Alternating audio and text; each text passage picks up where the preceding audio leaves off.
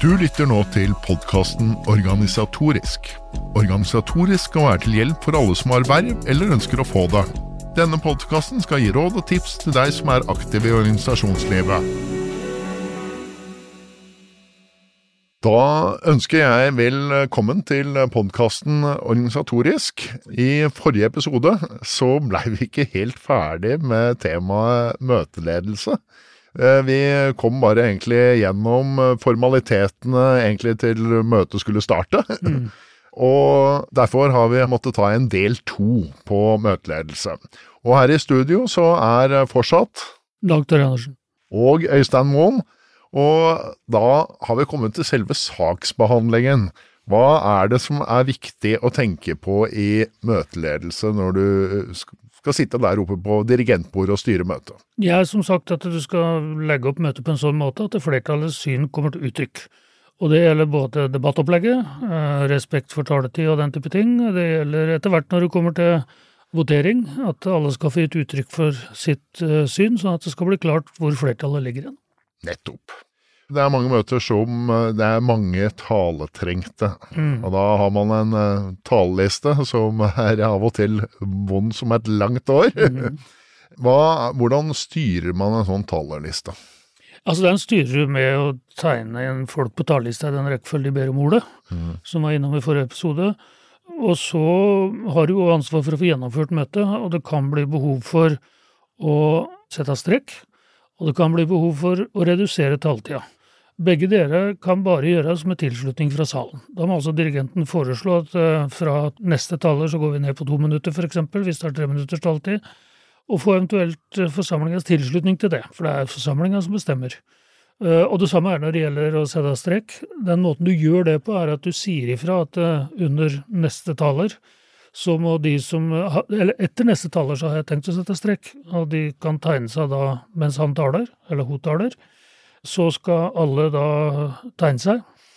Så, når da den talen er ferdig, og du skal sette strek, så skal du før du setter strek, så må du referere talelista, sånn at alle har blitt registrert, ingen er glemt og utelatt.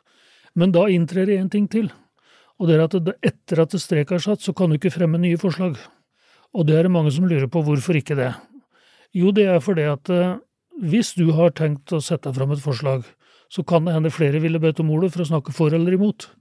Eh, og Derfor må alle forslag være levert, og helst da referert, før strek settes. Og Det betyr også at, eh, og det vet jeg mange som spør om, men det betyr også at etter at strek er satt, så kan du heller ikke trekke et forslag. For det, da fratar jo andre muligheten til å framsette det samme forslaget som de da egentlig hadde tenkt å stemme for. Så jeg har vært borti noen få tilfeller der den som framsatte et forslag, egentlig eh, etter debatten har kommet til at han ikke burde framsatt det. Teknikken for å gjøre det er da at han kan gå opp og anbefale at hans forslag ikke støttes. Eh, men i respekt for at noen andre kanskje ville støtta det, så er det altså heller ikke anledning til å trekke et forslag etter strek er satt. Ja. Alle forslag må være inne på dirigentens bord, ordstyrers bord. Eh, og referert for hele salen. Og referert for hele salen eh, før strek settes. Ja. Eh, det er en viktig ting å huske på. Og så er det jo nettopp med disse lange talelistene, og, hvor man kanskje har tre minutters taletid, går ned til to minutters taletid. Men det er jo da også viktig at eh, neste taler gjør seg klar. Mm. Eh, og der har også dirigenten en oppgave. Ja da, og da er du på større møter, der det er talerstol ofte, og du må gå fra en plass i salen opp til den talerstolen. Da er det ofte praktisk at den som er neste på talerlista, gjør seg klar ved talerstolen før før uh, han blir ropt opp, for da sparer du en del tid på det. Ja. Det er dumt når du må gå bakerst ja. fra salen og, frem til talerstolen. Da bruker man mye tid på å mm. sitte og se på folk som går opp til talerstolen, rett og slett. Og for talerne som står på talerstolen, så pleier man ofte å si fra når det er et halvt minutt igjen, sånn ja. at de eh, har anledning til å slutte av. Det er en vanlig måte å gjøre det på, særlig på større møter. Så snakka vi om da at uh, hvis du har tre minutters taletid, så sier du fra når det uh, har gått to og et halvt minutt at nå er det et halvt minutt igjen. Og, og hvis en taler da ikke holder taletida, så må, da skal du bruke klubbe. Og da skal du være konsekvent, for det handler om likebehandling. Og så har man gjennomført. Talelisten er slutt. Mm. Eh, det betyr jo ikke at møtet er slutt. Men når talelisten er slutt, så skal man jo egentlig da gjøre seg klar for å gjøre de nødvendige vedtakene. Av og til kan det ta litt tid fordi at det er en redaksjonskomité som er i arbeid osv. Men, men det er jo egentlig når talerlisten er slutt, så, så, skal man gjøre de vedtakene som er nødvendige. Av og til vil det vedtaket være å sende det over til redaksjonskomiteen for at de kan bearbeide forslagene, og av og til så vil det være at du vedtar tingene der og da.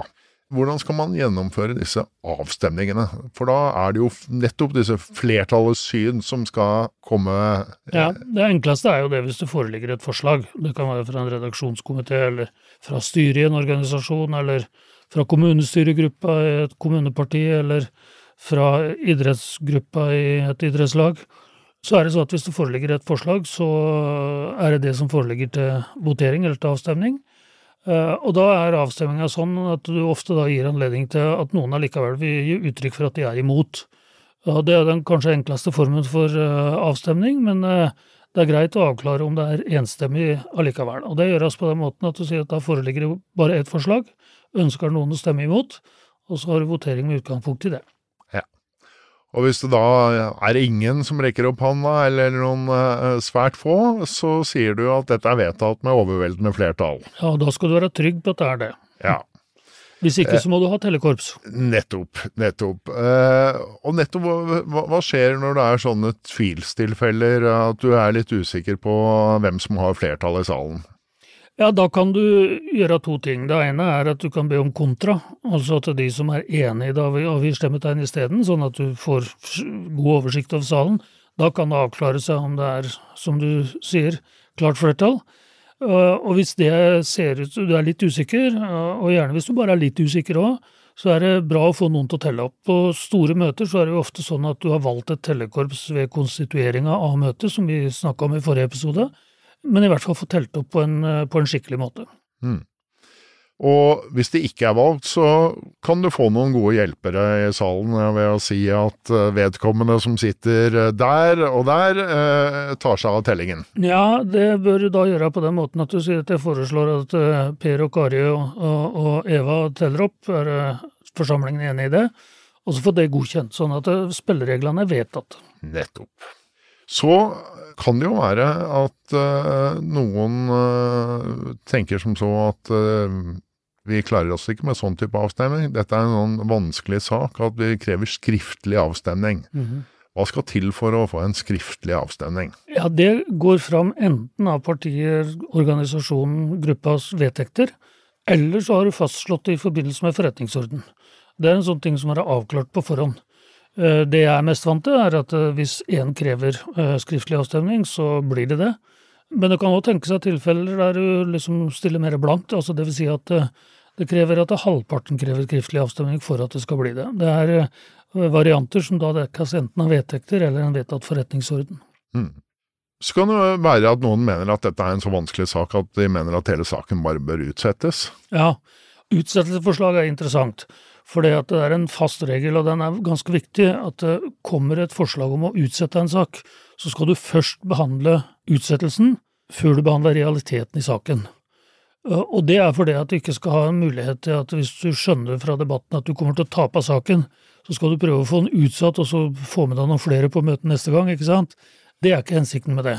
Så hvis det blir fremma et utsettelsesforslag, så skal det behandles først, og da er det ofte vanlig eh, at en da har veldig kort taletid på det. For da skal det bare begrunnes hvorfor en vil utsette, ikke noe om innholdet i saken.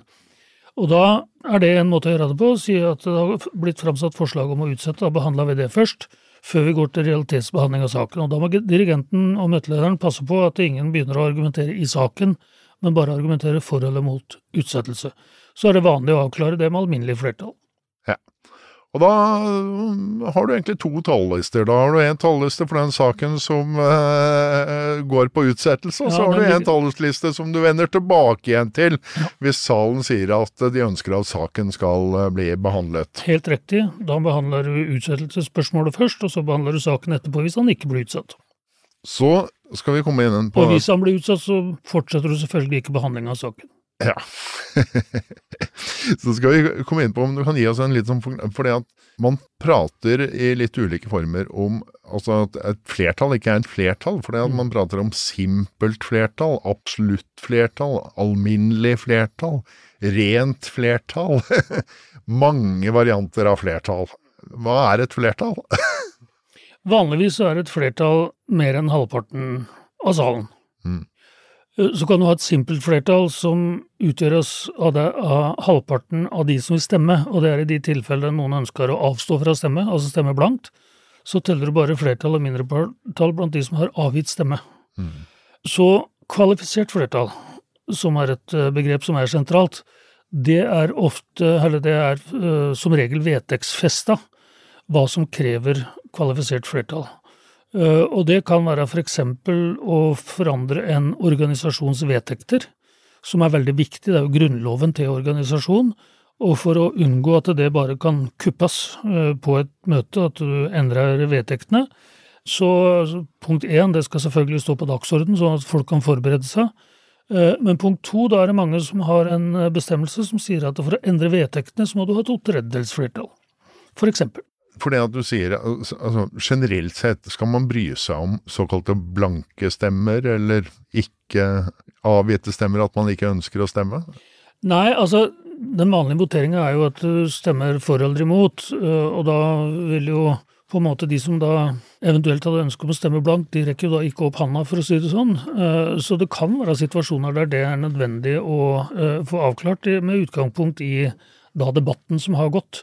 Og hvis noen gir uttrykk for at de ikke ønsker å avgi stemme, så kan de ikke det. For eksempel i Stortinget så er det sånn at der er alle representantene stemmeplikt. Så der kan du ikke stemme blankt, for å ta det som ett eksempel. Jeg tenkte bare at eh, jeg skulle henvende meg og gå til eh, Tillitsmannen, som ja. vi ofte uh, uh, siterer fra. Og da skriver de det skilles mellom simpelt og absolutt flertall. I de siste årene er uttrykket alminnelig flertall brakt inn som begrep, men det har ingen annen betydning enn absolutt flertall. Mm.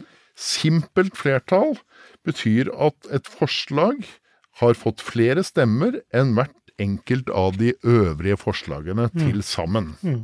Så det betyr nettopp eh, det vi har vært inne på, det er forklaringen på det, at man trenger ikke 50% av stemmene for at et eh, forslag skal gå igjennom, Nei. men man trenger flertall, altså mer enn alle de andre forslagene ja, til sammen. Det er riktig.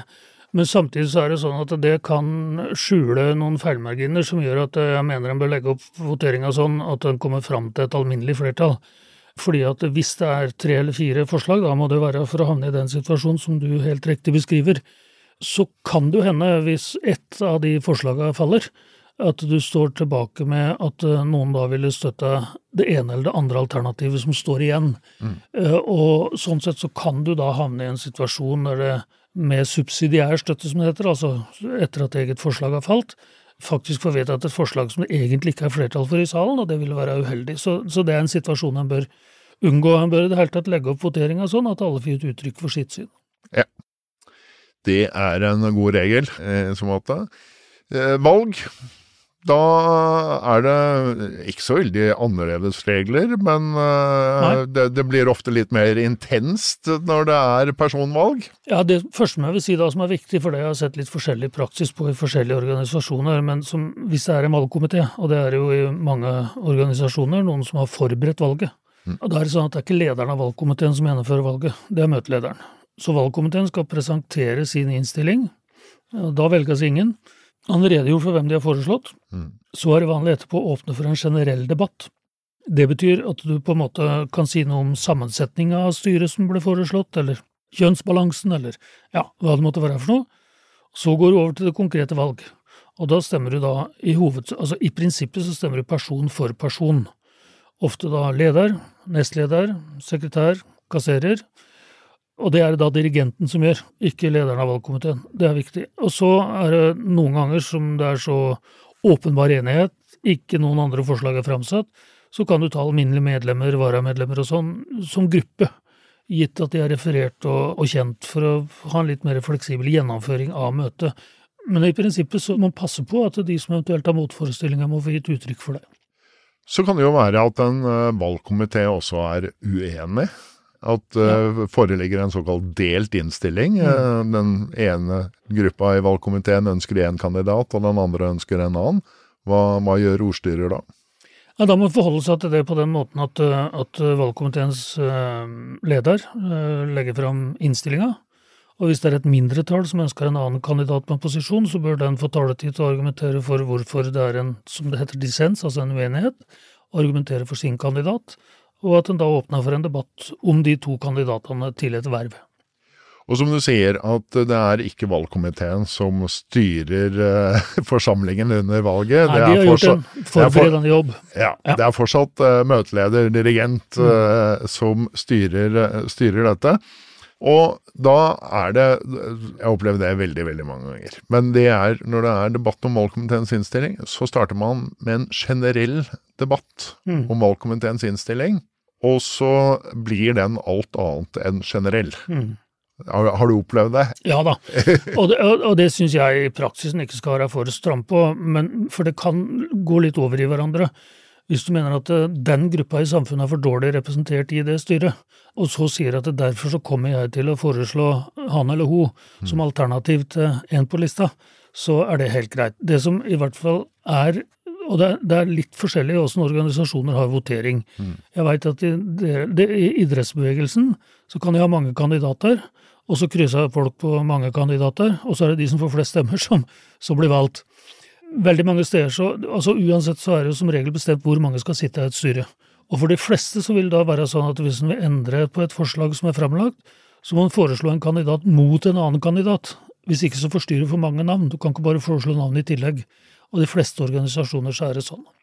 Nettopp fordi at det står i vedtektene at ja. et styre skal bestå av så og så mange personer, syv eller ni eller sånn. Veldig ofte oddetall, sånn mm. at det eh, ikke skal være mulighet til å få stemmelikhet i, mm. i styret. Mm.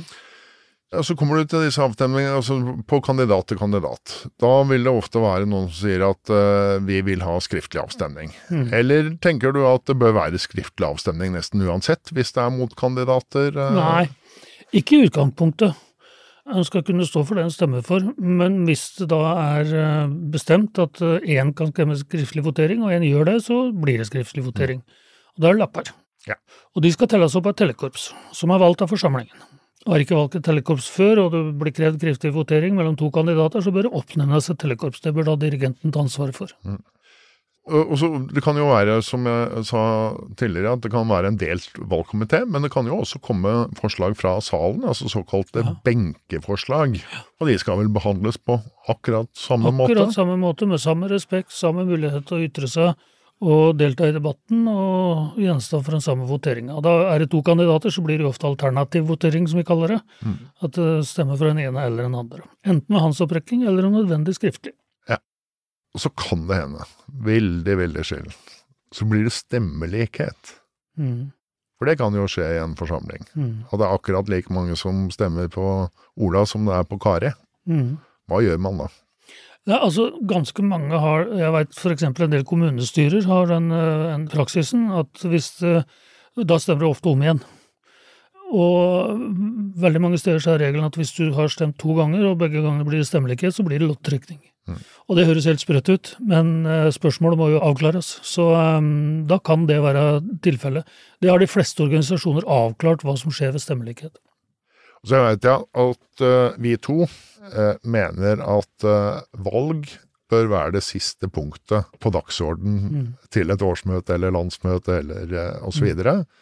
det at de man velger, er de som faktisk skal gjennomføre den politikken det årsmøtet eller landsmøtet har vedtatt. Og så ser vi vel noen eksempler på at sånn gjøres det ikke alltid. Mm. Hvor, hvorfor bør det være sånn at valg kommer til sist? Det er litt fordi at eh, de vedtak som er fatta om hva organisasjonen skal drive til neste år, er bindende for, og styrende for styret. Eh, og da bør de som skal eventuelt si ja til å sitte i et styre, eh, være klar over hvilken politikk, hvilke saker de skal slåss for for sin organisasjon de neste åra. Ja, for du kan jo rett og slett eh, velge en som er sterkt imot ja, eh, en av de tingene som er blitt vedtatt. Og derfor så er det et viktig prinsipp som kanskje fravikes noen ganger, men det er et viktig prinsipp allikevel, at f.eks. For i forhold til nominasjon til kommunestyre eller til fylkesting, så bør programmet være vedtatt før en velger hvem som skal stå på lista. Sånn at alle som sier ja til å stå på lista og blir plassert på lista, da binder seg til å gjennomføre det som er vedtatt politikk. Og da begynner vi å nærme oss uh, ordstyrets avslutning på møtet. Mm. Uh, men det betyr ikke at møtet er avsluttet? Nei, det betyr ikke. altså Hvis det formelle på et årsmøte er jo liksom den settinga du snakker i nå, i og med at du snakker om valg, så er det vanlig at uh, dirigenten da sier at da har vi behandla sakslista sånn som hun forelå, takka for samarbeidet med forsamlinga og overlater ordet til den nyvalgte lederen. Fordi at det er én leder som går inn i, i møtet, og blir det valgt Hvis han blir gjenvalgt, så er han allikevel da nyvalgt leder, gjenvalgt i det tilfellet. Eller en annen leder har overtatt. Uansett så bør den som da er leder etter at møtet er ferdig, få lov til å avslutte møtet. Ofte skal man eh, takke av de som går ut av et styre, f.eks. Eh, også. Ja, men det er ikke dirigentene som tar seg av, det er da den valgte ledelsen. Nettopp. Så da er dirigentjobben unnagjort, eh, og vi har kommet oss gjennom del to av møteledelse. Og det er sikkert mer vi kan diskutere om møteledelse, men det får vi ta ved en senere anledning. Vi sier i hvert fall eh, takk for oss eh, for denne gang, og på gjensyn. Du har nå lyttet til podkasten Organisatorisk. Vi tar gjerne imot tips til saker som vi kan behandle i podkasten. Du finner oss på Facebook, eller du kan sende oss en mail på host at organisatorisk.no. På gjensyn. Møtet er hevet. Podkasten Organisatorisk presenteres av Norgesbarometeret AS. Norgesbarometeret leverer alt av meningsmålinger og analyser, og er spesialister på medlemsundersøkelser. Alle organisasjoner er avhengige av å vite hva medlemmene tenker. Er de fornøyde? Er det noe de savner, eller noe som kan forbedres? Alt dette, og enda mer, kan Norgesbarometeret gi deg svar på. Ta kontakt, eller finn ut mer på norgesbarometeret.no.